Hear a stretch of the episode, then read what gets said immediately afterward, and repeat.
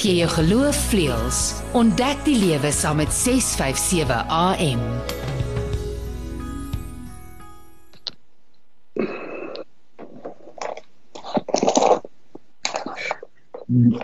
Nou ja, dit lyk vir my ons het nuus vandag nie. Uh as daar nuus is dan moet dit nou maar tussen beide inkom intree. Uh my naam is Janie Pelser hier program is, is perspektief en is heerlik om saam met jou te kuier. Ek maak net seker dat ons gaste aan boord is en ek sien vir hulle ons gaan hulle aanstonds aan die voorstel. Baie baie dankie dat jy ingeskakel is by die programme van Radio Kansel en Kaapse Kansel. Hierdie program se naam is soos ek reeds gesê het is perspektief en uh, dit is 'n voorreg om saam met jou te kuier. Ek sê baie dankie aan Woesie wat vir ons die tegniese versorging uh, van hierdie program behartig en uh, dankie vir jou wat ingeskakel is. 'n Lekker interessante wêreld waarbinne ons woon, hè.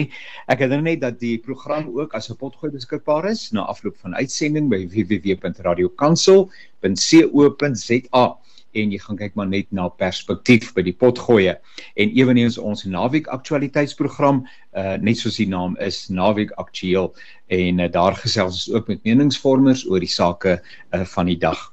Dit is 'n uh, baie groot voorreg om saam te kuier en uh, so by wyse van inleiding ons konteks in Suid-Afrika en verantwoordelike burgerskap sou sekerlik inhou dat 'n mens op intelligente wyse kan saamgesels oor die politiek van die dag dis nog 'n integrale deel van ons daaglikse bestaan nie waar nie. Nou perspektief handel oor die aktualiteit van die dag en wil gelowiges bemagtig met goeie inligting aan die hand waarvan hulle besluite kan maak. Die menings wat gewissel word is nie noodwendig die van Radio Kansel nie, in besonder die van die medewerkers, uh maar uh, natuurlik is daar vir jou eie oorweging. Uh die 2024 verkiesing, algemene verkiesing kom vinnig op ons af en eersdag sal sal burgers na stemlokale stroom of sal hulle nê nee, ten einde hulle kruisie te trek. En uh, ons gaan oor 'n uh, klompie van die sake wat hierdie dinge uh, raak met mekaar saamgesels. Hier om saam te gesels is uh, Dr Teens Elof en hy's onafhanklike meningsvormer. Kom ons hoor net 'n bietjie of ons vir Dr Teens raak hoor. Goeiemôre. Môre Janie, lekker om saam te wees en môre aan Piet en Sanet. Ehm uh, baie baie dankie dat ons kan saamkuier. Dr Teens, vertel so ietwat 'n bietjie van u self asseblief. Ek is uh in in Engels noem ek myself 'n specialized generalist, so ek weet iets van alles af, maar nie alles van iets af nie.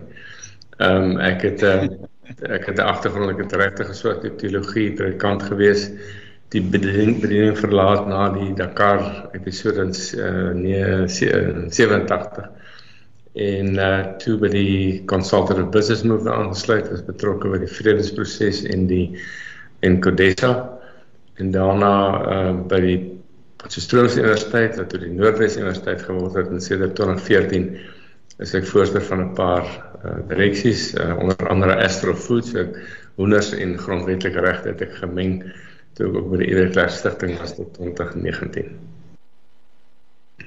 nou ja, mens moet balans hê in die lewe, net so eet ook duidelik balans tussen die fisiese en die nou ja, wat is die ander werklikheid waarmee ons deel. Baie baie dankie dat u deelneem vandag.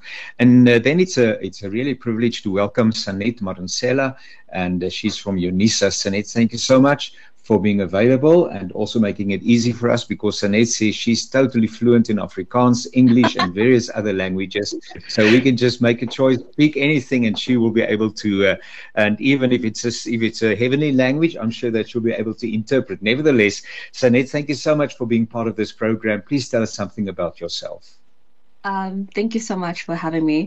Um, my name is obviously Sanet Marantella. Um, I am a lecturer in the Department of Political Sciences at the University of South Africa. Um, I am actually an alumnus of the University of the Free State. I currently serve as the interim sec- secretary for the South African Association for Political Sciences. And I teach second year South African politics and at honors level uh, politics and research. Baie baie dankie Sanet. Dankie dat jy by ons aansluit. En uh, dan uh, uh, Dr Piet Kroukamp, een van ons bekende uh in uh, die kringe waarbinne ons vandag beweeg. Ek wil vir u dankie sê dat u deelneem en vertel so ietsie van u eie leefwêreld en wat miskien vandag vir u opgewonde maak. Dankie. Ek is uh by die uh Noordwes Universiteit. Ek is spesifiek op die van der Bylpark kampus waar ek vir die derde jaar se nagraadse studente navorsing hoofsaaklik aanbied, maar ook so 'n bietjie enkele dimensies van die politiek. Ek is ook by die besigheidskool betrokke waar ek eh, soos die direkteur van destyds my gebel het en sê vir my uh, Piet wil jy vir my kom werk het, sê ek nou wat sal ek vir jou doen? Toe sê hy kom vra die moeilike vrae. Nou uh miskien is dit die uh, ding een ding wat ek dink dalk belangrik is. Die meeste mense fokus op die antwoorde in die lewe. Ek is meer gefassineerd deur die vrae, wat die oorsprong van die vrae is, die motiverings vir die vrae watter agtergrond lei tot watter vrae en of dit sinvolle vrae is. Myne is so dit is maar my frontale lob werk. Maar meestal het ek die teenwoordigheid van 'n niksnuts en uh ek het nie uh, 'n spesifieke funksie en doel in die lewe nie behalwe om uh, te bestaan en moeilike vrae te vra en uiteindelik dan stof tot stof te word. Dis heerlik om saam met julle te kuier. Baie baie dankie uh, Dr Piet Kroukamp. Uh kollegas, u is die mense wat weet en uh, daarmee 'n hartlike uitnodiging dat u vir ons neem waar u in u eie gedagtes is tans.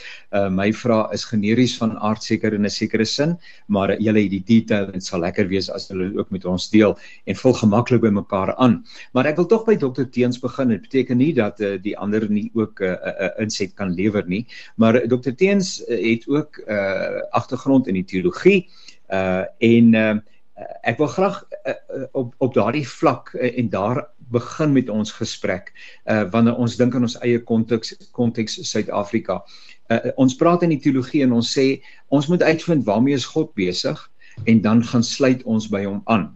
Uh dis nie ons wat vir hom iets doen nie, dis hy wat besig is en hy nooi ons uit. Nou wonder ek, Dr Teens, hoe antwoord ou nou daai vraag met betrekking tot Suid-Afrika?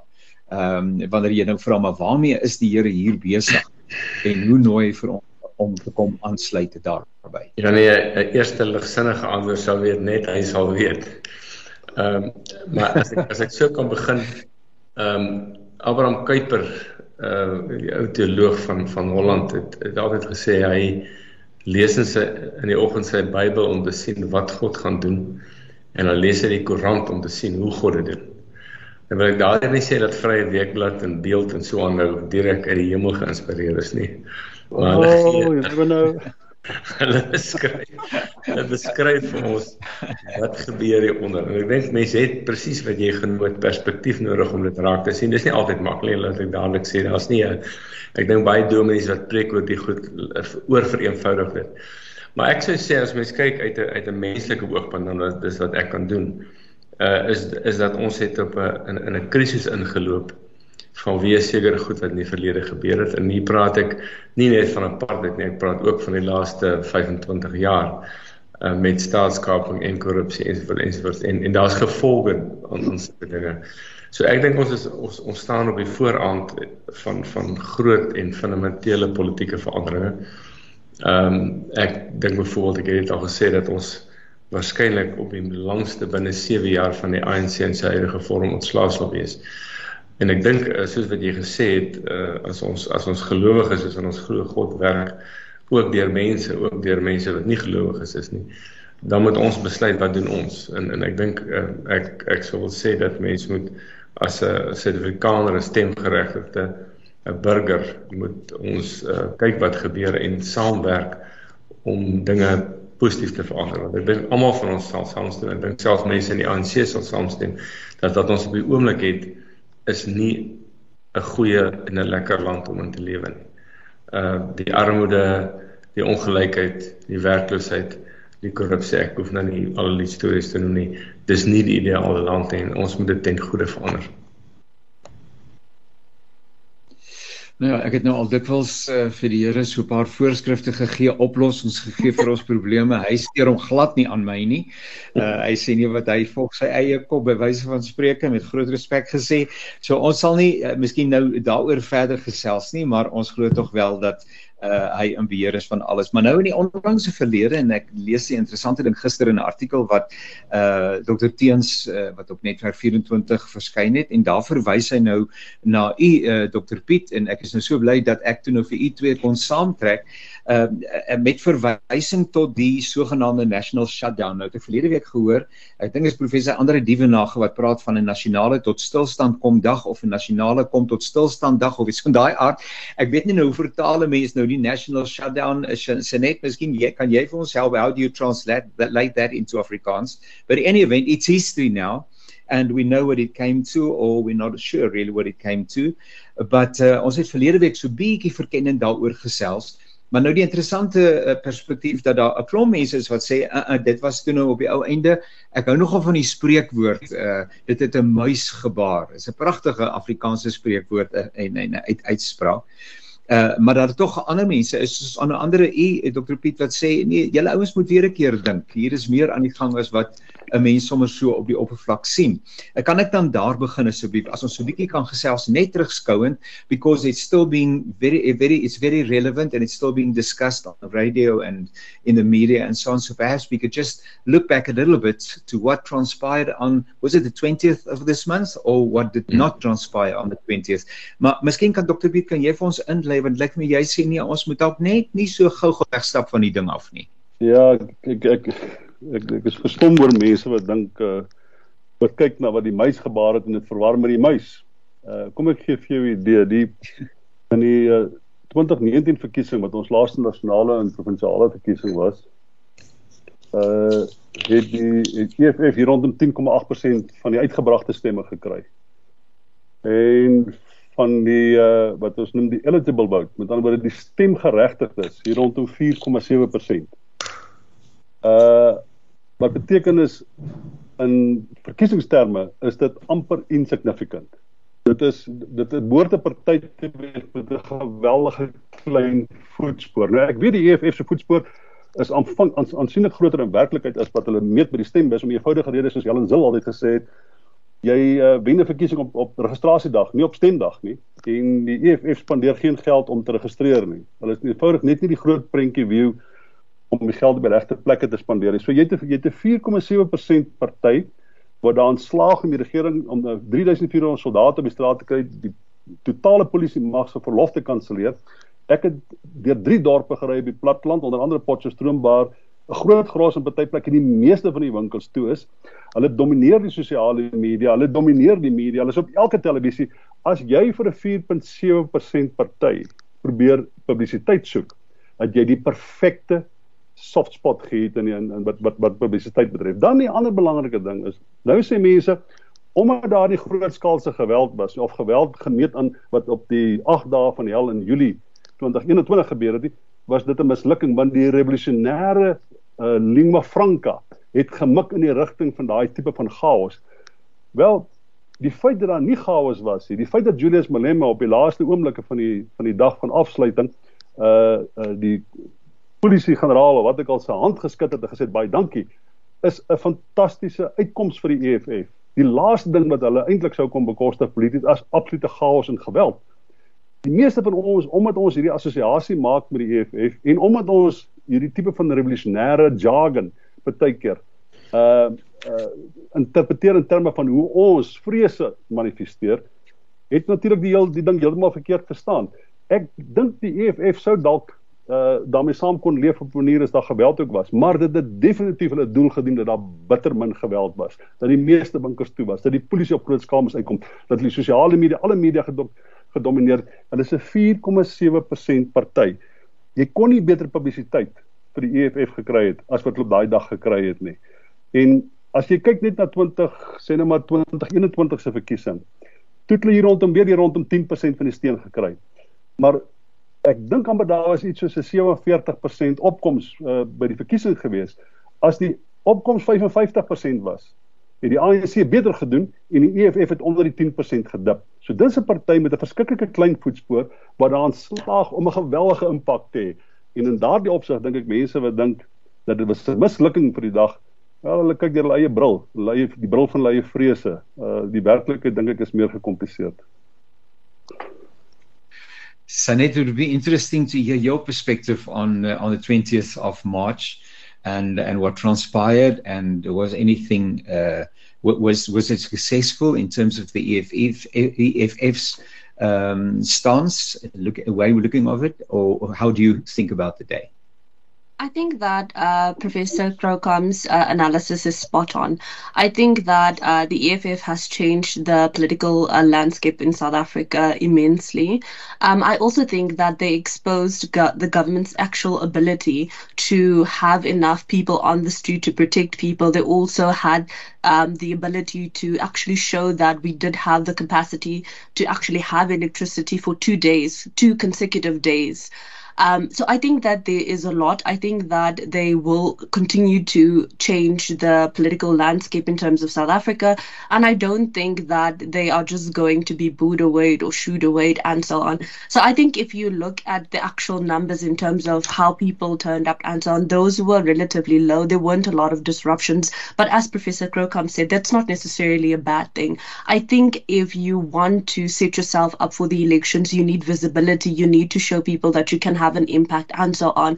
And I think that there's no better way to actually grab the voters' attention than to stage something like this. Um, moreover, what was also interesting is that they chose to have the protest the day before the public holiday. So most people would just be at home and they would be less disruptive, which was a plus point. But also they appeal to the younger voters in South Africa. And if you take the youth in South Africa, there's millions worth of actual voters or first time voters that you can grab. So if that could be their focus, I think that they could do major damage to the actual uh, amount of voters that the ANC has in the upcoming elections.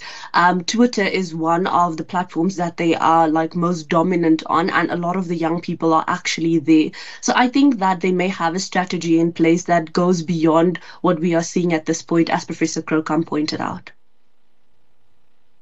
Well said. Eh, dokter uh, uh, uh, Teens uh, uh, dit moet 'n mens daarom van meneer Malema sê en hy kan daarom op sy voete dink en 'n situasie in sy gun swaai. Ehm um, gesels bietjie net oor oor u eie verstaan. Uh, ek, ek, ek, ek het nou raak gelees in die artikel.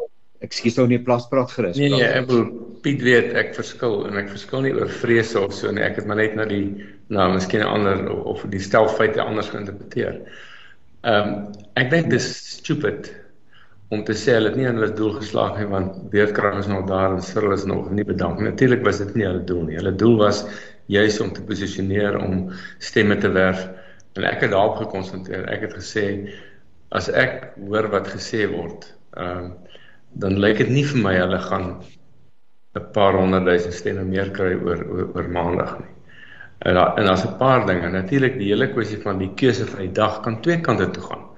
Daar's gewone mense wat sê man, uh, dis 'n meesterskuif om om die die skoolvakansiedag te kies, dan kan jy sommer opeis vir jou dat die skole gesluit het. Maar die gewone mense weet dit is skoolvakansie 2 jaar gelede al. Dieselfde met die vakansiedag. So ek Ek dink is 'n kwessie van interpretasie en ons sal waarskynlik na 2024 sal jy ons drie weer hier moet kry as ons met mekaar gelukwens of sê ek is jammer ek was verkeerd.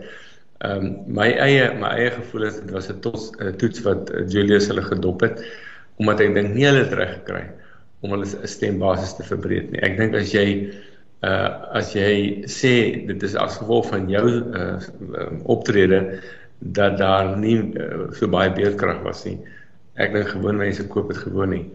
Uh ek dink die ander punt is as ek het uit al die media gekyk oor hoeveel mense was betrokke en en daar's niemand wat sê meer as 15000 op verskillende plekke in die grootste in KwaZulu-Natal waarskynlik 5000.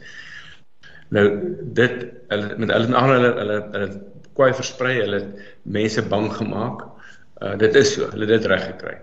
Maar ek weet nie of mense stem vir mense wat jou bang maak nie uh jy weet in in in so ek ek verskil van beide die die die my ander twee uh, kollegas. Maar ek bedoel ou kan dit verkeerd lees ek is heeltemal oop om te sê dalk lees mense dit verkeerd. Ek dink gewone mense hou nie van radikaliteit nie.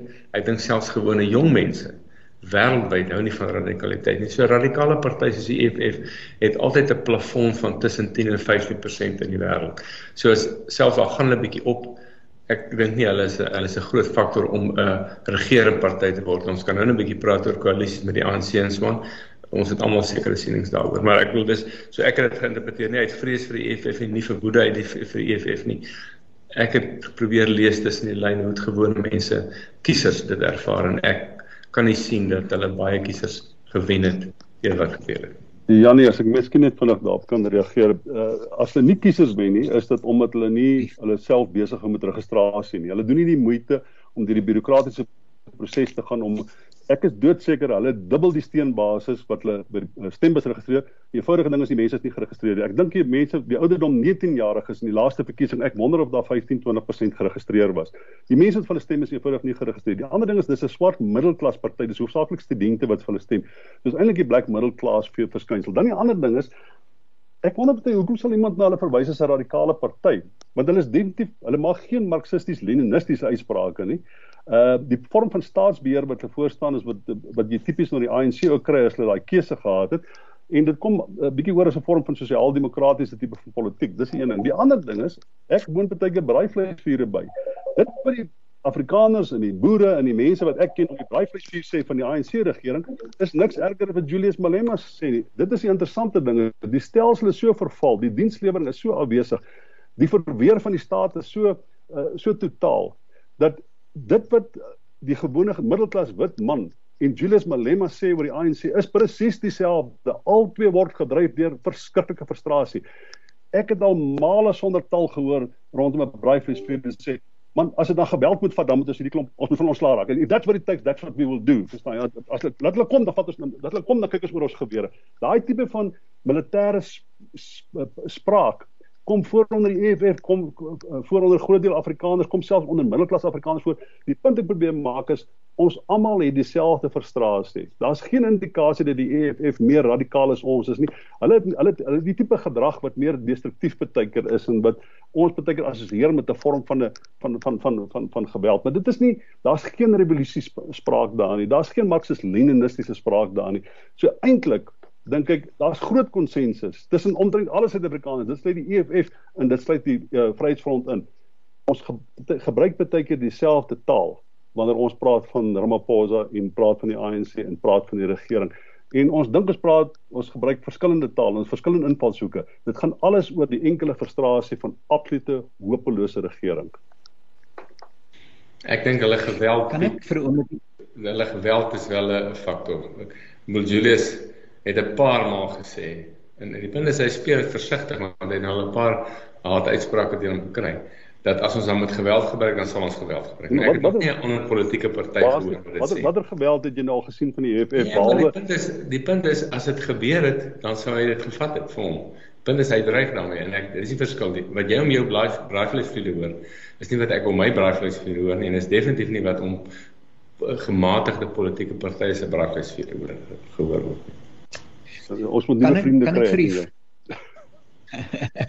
kan ek vir u vra is net you also ehm um, uh, as ek dink aan uh, die artikel wat professor uh, ag uh, Dr. Pugh ehm um, teens geskryf het ehm um, en ek dink aan die uitsprake wat Julius Malema gemaak het dit, ek ek gaan dit nou binne konteks plaas naamlik van hierdie is die begin van die revolusie die woorde wat hy gebruik en dis meer hoe dit tog wel op die dag uitgespeel het uh naamlik dat dit tog relatief vredevol was. Ek wou sê vreugdevol was, maar vredevol was.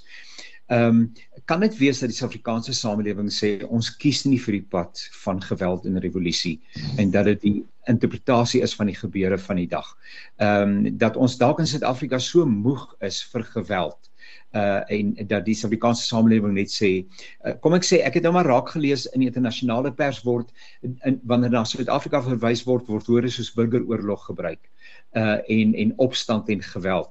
Ek het al gelees dat daar aan burgers van uh buitelanders wat hier woon dat hulle uh lande vir hulle sê dat hulle moet opstapel voedsel bymekaar bring en ensovoorts ensovoorts vir die verwagte geweld. Uh Meneer Mbeki het ek nou die dag interessant gehoor in 'n radio gesprek.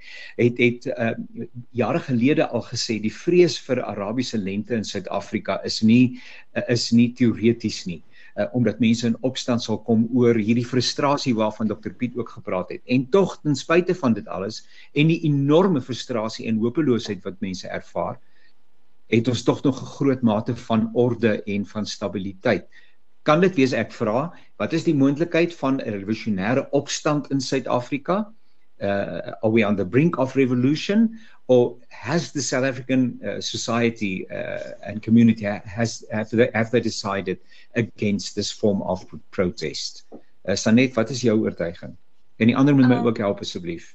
Okay, um, I think that the Arab Spring is particularly fascinating given that it had similar dynamics in terms of your high inflation, in terms of people having being exposed to high levels of poverty and so on. But I don't think that South Africa is quite there yet while we have uh, something quite different, we have a violent history in terms of conflict and so on. And I think the last protest in terms of July literally brought the country to a halt, and we saw how destructive it can be. And here you didn't only have established businesses um, like going out of business and closing their doors indefinitely, you also had your smaller businesses um, closing down, people losing their jobs, and so on. So I don't think that South Africans want that, but I do think that Professor Krokam was right when he said that South Africans are quite frustrated.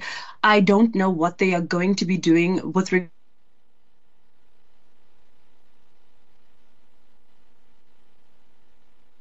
many service delivery protests do we not have? It's it's literally an ongoing thing in the country, and people are just like disregarding the actual uh, voting population and so on. And I think that's why you are seeing like a reduction in the number of people who come out to vote for the ANC because at some point the ANC was a gather all party where they could get like large portions of the population to actually see in their vision and so on.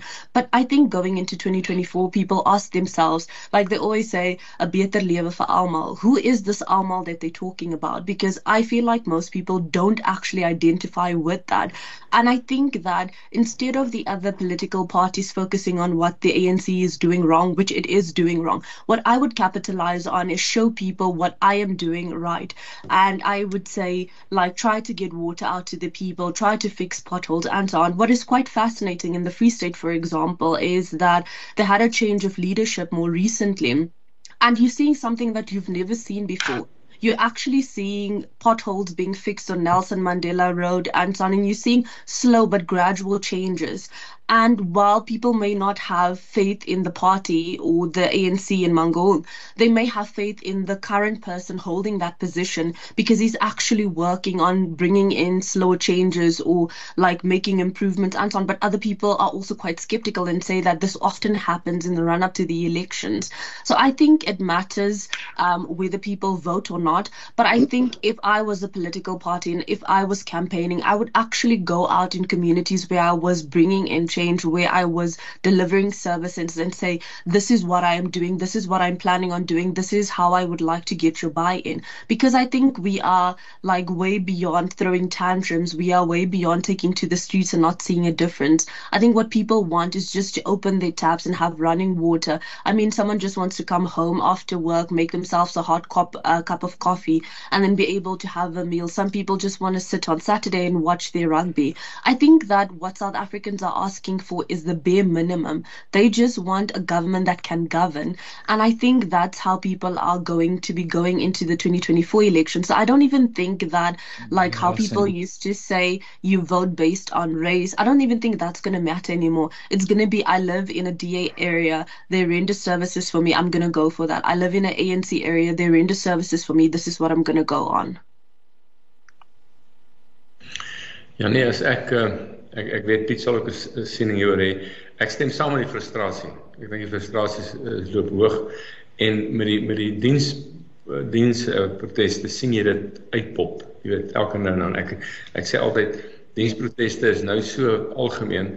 Hulle word nie op die nuus meer genoem nie. Jy hoor dit net by die verkeersnuus want hulle sê my daar ry nie daar's daar's 'n diensprotest. Ek dink daarom ehm um, ek ek dink mense gaan vra vir wie moet ek stem? Ek dink daar's 'n daar's 'n verskywing moontlik. Maar ek dink mense het hoop nodig. Ek dink Suid-Afrikaners van alle rasse, kleure, gelowe het hoop nodig. Ek dink as mense hoop verloor, dan dan dan dan dan is jy amper nie meer lus vir 'n revolusie selfs nie. So ek dink ek sou as ek politieke partye is, sal ek wil sê ek het hoop want dis wat ek doen, dis waarvoor ek staan. Nou is dit so dat ons byvoorbeeld met die koalisiepolitiek baie ehm um, 'n paar swak voorbeelde gesien het van goeie goeie koöperatiewe bestuur. Maar mense onthou daar's oor die 40 koalisies in die land. Die meeste van hulle in die, in die Wes-Kaap en hulle werk relatief goed. Die paar grootes waarvan ons nou weet Johannesburg, Pretoria, Ekurhuleni, uh, het nie goed gewerk nie. Ek het nou gesien soos julle seker almal daar's nou 'n DA burger, DA koalisie geleide burgemeester in Swane.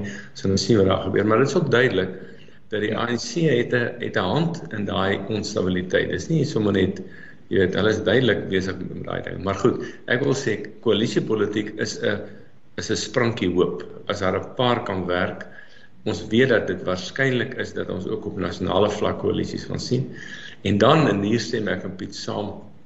Ons ons stem eintlik oor 'n hele klomp goed saam. Uh ek dink daar's 'n burgerlike samelewingsbeweging nodig. Uh soos en ek het dit al jaar en 'n half gelede gesê, soos die UDF wat nie 'n politieke party is nie, maar wat uit die burgerlike samelewing, in die sake sektor, die vakbondsektor, die godsdienstige sektor, die NGO sektor sê dis nou genoeg. Dis wat ons wil hê en ons gaan net vir partye stem wat dit vir ons kan gee. En ek dink dis baie dringend en dit sal dan vir daai frustrasie onmiddellik in hoop omgesit en jy kan mobiliseer. Uh, ek stem byvoorbeeld nie met Hellens hulle saam daar moet daar moet so min as moontlik mense gaan stem nie, want dit dit uh, uh bevoordeel ja, ek ek dink ons moet ja. jong mense veral kry om te gaan stem en net sê laat hulle weet waarvoor stem hulle in die, vir vir vir, vir 'n party wat die visie van hierdie burgerlike samelewing kan kan implementeer. Janie, het, ek, ja, dis my sê, maar ek stem nou ongelukkig nou weer 'n keer met teen saam mee. Dit dit is inderdaad so. In die, in die laaste verkiesing, né? In die laaste verkiesing wat ons gehad het, né, het net 12% vir die stemgeregtigde Suid-Afrikaners, net 12% vir die ANC gaan stem. Watter groter boodskap of frustrasie kan jy kry as net 12% vir 'n party stem wat al die politieke mag het? Dis die een ding. So as die uh, ek dink ons fokus is verkeerd en dis hoekom ek in uh, teens uh, by aanname reg met mekaar saamstem. Ons fokus op die ANC. Die werklike probleem is die swak oppositiepartye in Suid-Afrika.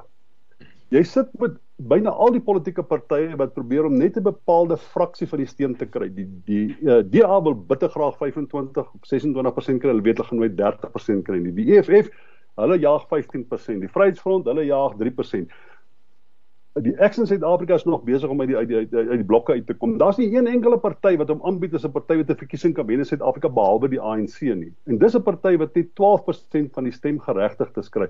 My probleem is die oppositiepartye is maak dit ons 'n fatally flawed demokrasie is. Die ANC het sy eie probleme, die ANC staatskaping het sy eie probleme. Maar die absolute totale begrip en gebruik aan begrip van oppositiepartye wat dit beteken om die belange van die meerderheid Suid-Afrikaners te dien en dit verteenwoordig. Gaan laat my verstom. Kom ek net ter illustrasie. En dis my probleem met liberals. Die liberale konsep sê hier staan ek voor. Ek staan vir die volgende faset. Dis hoe dis my waardes hoe dit dis hoe my politiek lyk.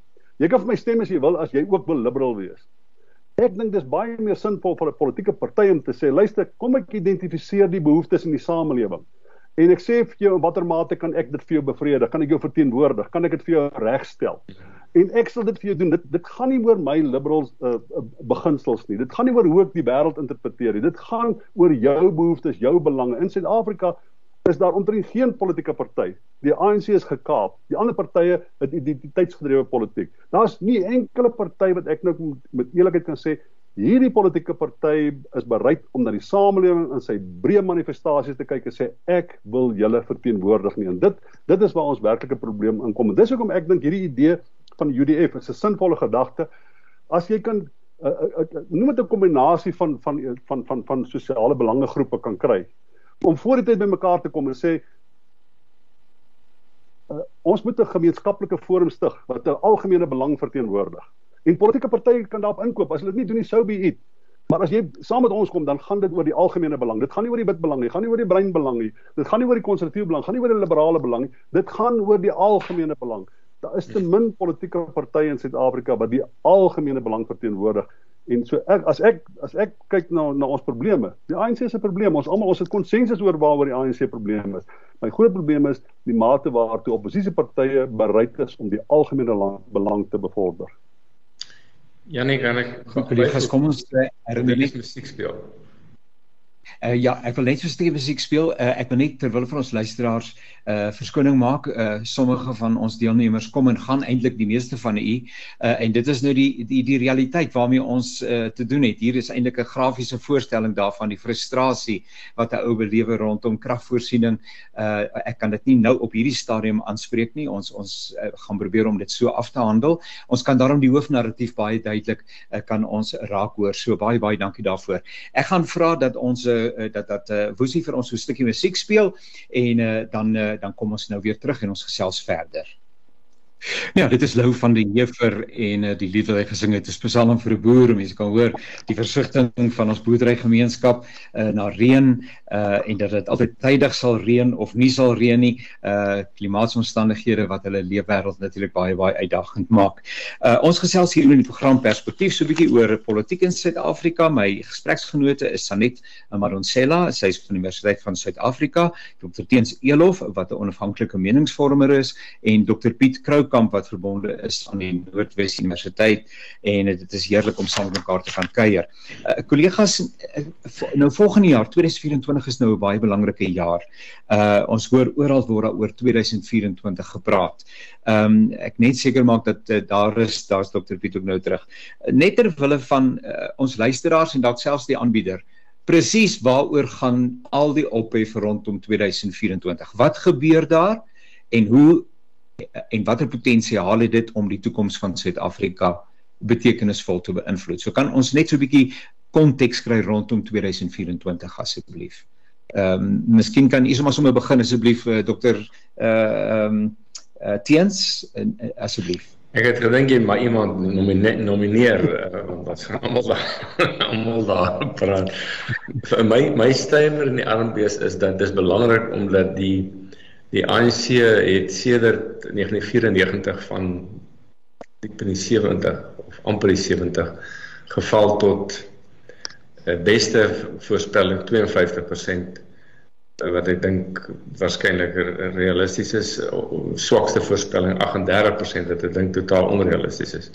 Punt is daar's 'n kans dat die ANC sy meerderheid van 50% kan verloor by die stem stembus ehm um, oor al die redes waaroor ons gepraat het. Ehm um, dis baie moeilik om te sê om te voorspel. Ehm uh daar sou ons wat sê nee, hulle herstel en jy weet hulle is bo kan 50, daar's ander wat sê nee, hulle val nog steeds. Daar kan baie dinge gebeur. Dalk sal beerdkrag as hulle beerdkrag kan kort op die korttermyn oplos sodat dit vir my dink hulle lyk vir my hulle werk kan hulle dit dit regkry om om om bo kan 50% te gaan. Maar die punt is daar's 'n klomp uh veranderings moontlik. Ehm uh, ek ek dink 2029 is eintlik die die die moontlikheid om baie groot veranderings te sien. Ek ek sien ek is nie een van die ouens wat dink die ANC gaan onder 40% val nie. Ek dink meer hulle gaan onder 45% val.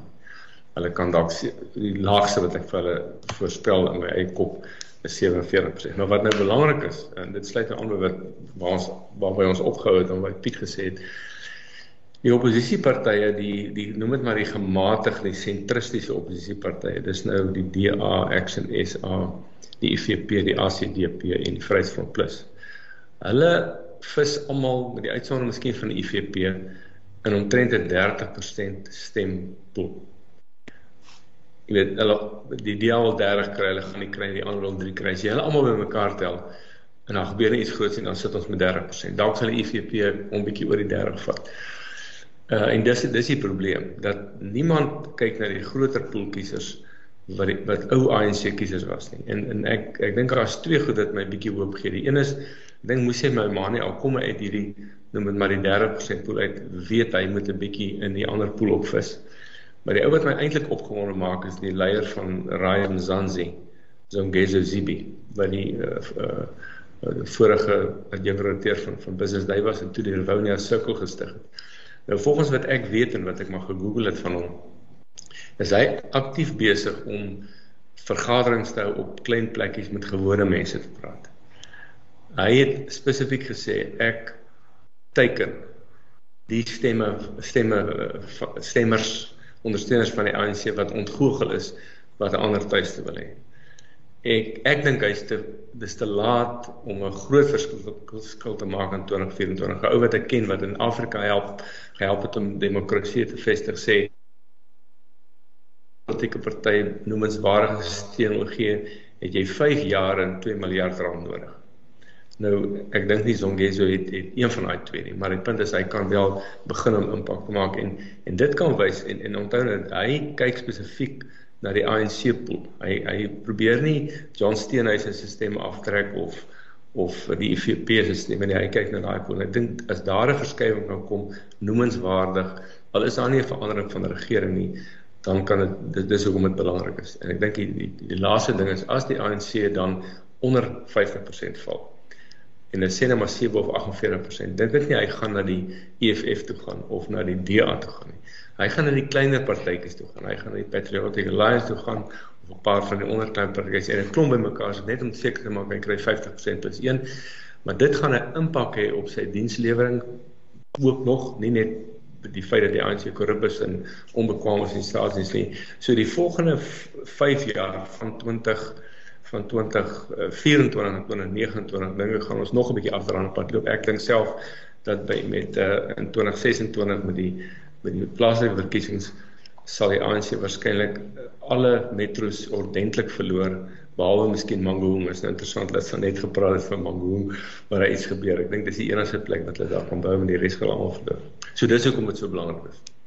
Sunny just help us uh, the 50% what is the relevance of the 50% or the 50% plus 1 uh, number 1 and then what is the relevance of a two third majority where, where does that come in and then with that what happens next year and why and I suppose that de- depends on which side of the political spectrum you find yourself. Uh, so it probably would be um, challenging for me to ask you what a win represents. But for South Africa, what does a win represent in your eyes uh, in terms of what's happen- what happens next year? Uh, thanks so much for the question. So the fascinating thing about South African politics is it's been a while since anyone had a two-thirds majority win in terms of the national elections. The great thing about having a two-thirds majority vote is that you can actually make changes to the constitution. So it doesn't happen often. Um, in terms of having 50, uh, 50 plus one, it's great because it allows you to make decisions in terms of the area that you are supposed to be governing.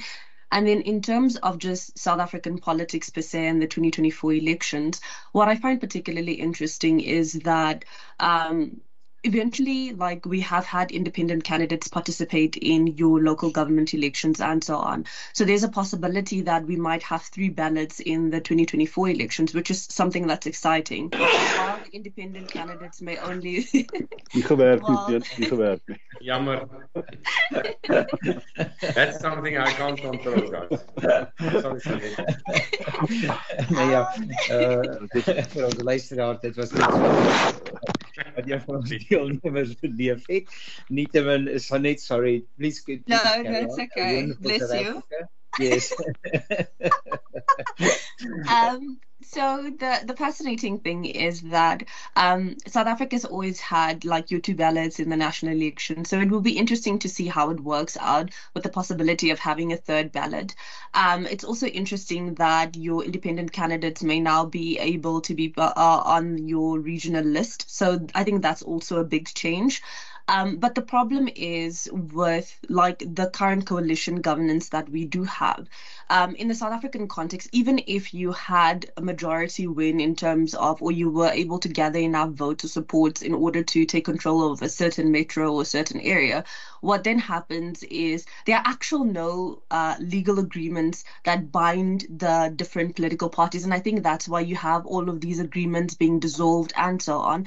And because we uh, don't, we're not really mature in terms of coalition politics as you would have in other countries, you have people pushing their own candidates. So you don't really have an actual win for the people, like your everyday citizens. You have a win for a specific political party. So you'll constantly see like um, everybody gathers, they form a coalition, and so on. Then they push the mayor of this one out, or they want a municipal manager from this one because they may be in control of tenders and so on.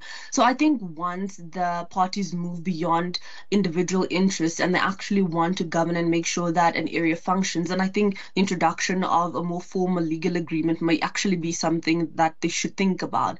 I think only then would we actually see a change in terms of actual change in terms of coalition politics politics because most of the coalitions in terms of South Africa have been relatively unstable. If you take the 2016 elections, where you had it in Joburg, you had it in Tshwane, and you had it in Nelson Mandela Bay, all of those were very unstable. If you take what's been happening with Mpopalatse and the DA in terms of um, Gauteng, like that's also been very unstable. So I think once they move beyond um, wanting to secure a seat as either the mayor or the municipal manager for their party, only then will South Africans truly win. And um, the other thing is, I think in this legal agreement, which I would propose, I would suggest actually having consequences for those political parties that formed the coalition and who were actually governing. Because now they can all say, oh, I was part of the coalition that did this or this and this. But if there's something that goes wrong, then everybody withdraws their hands. So a visa skuld is it now? And that's the kind of attitude that they take on the whole time. So you ask yourself, like, how do the people actually win? And I think it's like taking a move towards more formal coalition politics, making sure that there are legal uh, agreements in place and that services are actually being rendered. Dr Piet baie dankie Sanet. Dr Piet um, is is jy weet daai frustrerende ding as jy iemand skakel of iemand en dan hoor jy your call has been placed on hold please wait en dan wag jy nou is die toekoms van Suid-Afrika is dit on hold please wait totdat koalisie mense vennote geleer het om met mekaar saam te leef en die en die belang van die gemeenskap van die kieserspubliek uh eers uh, voorrang te gee. Uh en en daarmee saam, wat is die moontlikheid van 'n koalisie regering in die nabye toekoms in Suid-Afrika? Janie jou jou jou jou jou, jou relaas dink ek raak aan al die regte punte. 88% van Suid-Afrikaners wat kan stem, het in die laaste verkiesing nie vir die ANC gestem nie. Jy kry nie 'n land jy kry nie 'n samelewing wat meer reg is vir verandering as 'n samelewing waar net 12% van die mense vir die regerende party gestem het. We are ready for change. Okay, goed. Is die alternatief dan? Dis wat ek altyd gesê het, wees baie baie versigtig om mislei te word deur die 10% steun wat die EFF het. Wag vir die dag waar daar 'n persepsie ontstaan dat this is an alternative to the ANC. Daai idee van ons is 'n alternatief tot die ANC moet behoorlik ontgin word. Nou kom ek gee jou 'n idee van hoekom ek dink dit as dit nie as dit nie so bizar was nie sou dit vir my komies gewees het. Die grootste party in Suid-Afrika, 22% van die steun ongeveer, die DA party. Hulle gaan hierdie week hierdie naweek gaan hulle nuwe leiers kies. Die idee is dat jy met jou leierskap verkies sodat jy die algemene belang kan verteenwoordig sodat jy die mense wat sê ons soek 'n alternatief tot die ANC, hulle daai mense bereid is om vir jou te gaan stem. Dit dit moet jou teikengroep wees. Daar is baie van hulle.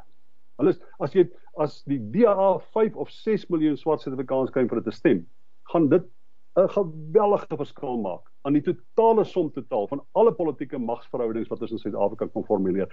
Hierdie naweek gaan daai party wat die vermoë om die algemene belang te verteenwoordig. Of wie ons primêr afhanklik is om op 'n of ander manier 'n belang te verteenwoordig wat dit moontlik maak om 'n situasie te gebruik wanneer die ANC wel onder 50% daal. Daai party gaan hierdie naweek nie alleen 'n wit man verkies nie, hulle gaan 'n konservatiewe wit man verkies om hulle te verteenwoordig. Nou sê jy nou vir my, as jy nou opdag by 2024, die ANC het uh 40% van die steun gekry. Dink jy nou werklik Suid-Afrika is reg vir 'n wit man vir 'n president? Ras matters in Suid-Afrika. Dit maak 'n verskil omdat ons ekonomiese verdelingslyne so loop oor as gevolg van ons geskiedenis. Dit maak 'n verskil. Dink jy nou regtig hulle gaan 'n wit man voor instem? As hulle vir 'n wit man gestem, dink jy nou regtig dit gaan John Steenhuisen wees? Hoe sit jy 'n koalisie van partye saam? Hoe vestig jy 'n party wat die algemene belang verteenwoordig? Met 'n politieke karakter, met die geskiedenis, die identiteit, die uitsprake, die libertariese tipe van ingesteldheid wat Helen Zil en John Steenhuisen verteenwoordig. Jy vra mos nou om jou relef jou relevantie af te gradeer tot op die vlak wat jy 'n mededinger kan wees vir ewig en nooit kan wegstap met die bosrose nie. It's just not going to happen. So my argument is nog steeds Suid-Afrika is reg vir verandering. Suid-Afrikaners het vir ons gewys die laaste verkiesing. We are ready for change. We want to change. Ons wil die dinge met verander in Suid-Afrika. Ons soek 'n politieke party wat die algemene belang gaan verteenwoordig. En ek dink daai ding ongelukkig kan net nou staan gemaak word as ons vooraf by mekaar kan kom en 'n civil society movement stig as dit ware. Dat vir ander politieke partye sê you can become part of us, but you have to represent the interest of all South Africans. En ons het nie so verskynsel nie. En en dis my probleem met met 2024. Die eerste politieke party in Suid-Afrika wat gaan sê ek verteenwoordig die algemene belang.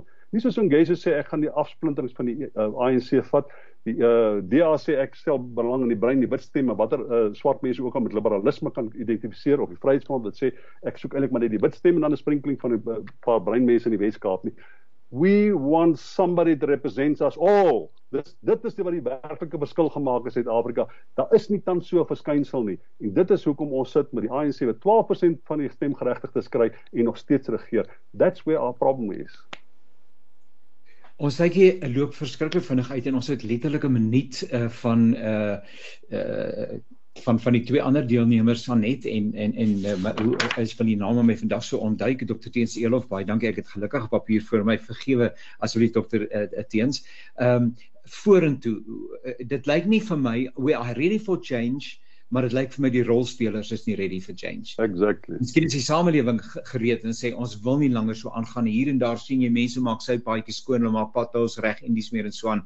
But we are going to be failed by political parties because we don't see a dream, we don't don't see a leader nobody that really grabs the imagination uh, of is daar so iemand uh, Dr Teens Elof Nee, ek moet met Piet saamstem op die oomblik is daar nie. Ek dink uh, iemand soos Corneille Miller probeer baie hard aan daai koalisie idee werk, uh, maar die DA is een wat nog lank dan daar is. Hulle dink hulle kan alleen gaan. Uh, dit gaan by verstand op te bowe. Maar ek dink soos wat die dinge ontwikkel, het ek hoop dat daai koalisie kan uitbrei en dat dat die die al, al gaan die al is nie DA of watter ander party se tradisionele steunbasis uit 'n sekere groep dat hulle sal sê saam met die ander partye ons wil die ons wil die algemene belang teenwoorde. Ek dink vorentoe uh, Janie van die volgende jaar sal ek twee goed drie goed sê. Die eerste is daar gaan baie politieke ry wees, moenie als glo wat die politici van die verhoog af sê. Ehm um, dit neem dit met 'n groot knip sout. Tweedens neem deel op jou plaaslike vlak en as as daar dalk so burgerlike samelewingsbeweging begin gooi jou gooi jou uh, jou energie daar agter. En dan om te om af te sluit waar ek begin het, die van ons wat gelowiges is, dit sal nie dit sal nie kwaad doen om baie te op die knieë te wees en te bid nie, want ek dink almal het baie wysheid nodig. nou ja, dit gewoon so vanuit baie dankie Dr Teens. Uh, Sanet, just the last word from you. You've got 1 minute. Um we're ready for change, but it's not going to be in 2024. Um, I agree with the other two speakers. I do think that a lot of these political parties need to go back to the drawing board. I do think that they need to move beyond ideology and all of these things that they identify themselves with. And I actually think that people just want the basics.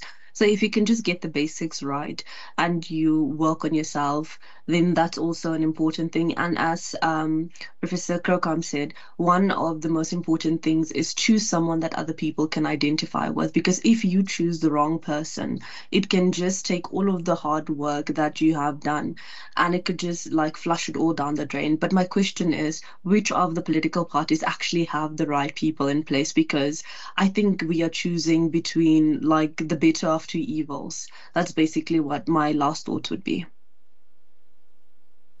Deelnemers van hierdie program was uh, Sanet Maronsela van Unisa, uh, Dr Teens Elof onafhanklike meningsvormer en Dr Piet Kroukamp van die Noordwes Universiteit. Kollegas baie baie dankie. Ons gaan nog baie gesels voor 2024 en waarskynlik daarna ook.